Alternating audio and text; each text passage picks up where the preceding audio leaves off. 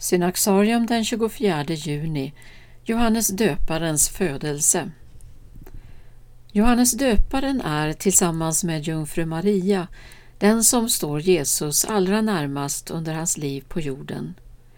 Ikonostasen i ortodoxa kyrkor visualiserar detta genom att Guds moder och förelöparen alltid är avbildade närmast Kristus, till vänster och höger om honom.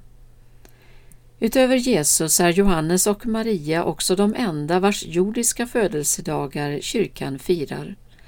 Redan på 300-talet, när julens datum fastställdes, började Johannes födelsedag firas den 24 juni. Evangelierna anger att han var sex månader äldre än Jesus. Mitt i sommaren lyser Guds leende mot oss i Johannes döparens födelse som en manifestation av Guds barmhärtighet och trohet mot sina löften. Orden om att Gud visar barmhärtighet återkommer ett antal gånger i denna festdags evangelietexter, samtliga hämtade från Lukas evangeliets första kapitel. I sin lovprisning utbrister Sakarias han visar barmhärtighet mot våra fäder och står fast vid sitt heliga förbund. Det är inget dagsfärskt löfte som refereras till. Är vi trolösa förblir han ändå trogen, för han kan inte förneka sig själv.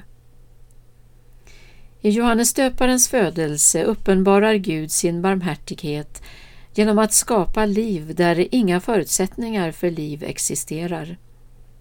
Hennes grannar och släktingar fick höra vilken stor barmhärtighet Herren hade visat henne, heter det om Johannes mor. Elisabet var ofruktsam och kunde inte få barn. Ett mönster i den heliga historien framträder. Det börjar med Sara, fortsätter med Rebecka och senare med Simsons mor. I historierna om alla de kvinnor som födde barn fast de var ofruktsamma lyser inte bara Guds barmhärtighet mot dem. Berättelserna utgör profetiska tecken. Gud skapar liv där inget liv finns. Med Johannes närmar vi oss frälsningshistoriens höjdpunkt. Den han ska bana väg för, Kristus, föds inte bara av en kvinna som är ofruktsam. Det är mer osannolikt och underbart än så. Han föds av en jungfru. Och genom Jesu födelse bryts den andliga ofruktsamhetens förbannelse i mänskligheten. Johannes döparens födelse är en profetiskt laddad fest mitt i sommaren. Så ska hans folk få veta att frälsningen är här med förlåtelse för deras synder genom vår Guds barmhärtighet och mildhet. När kyrkan firar sin gudstjänst inleder hon med att be om Guds barmhärtighet. Kyrie eleison, Herre förbarma dig.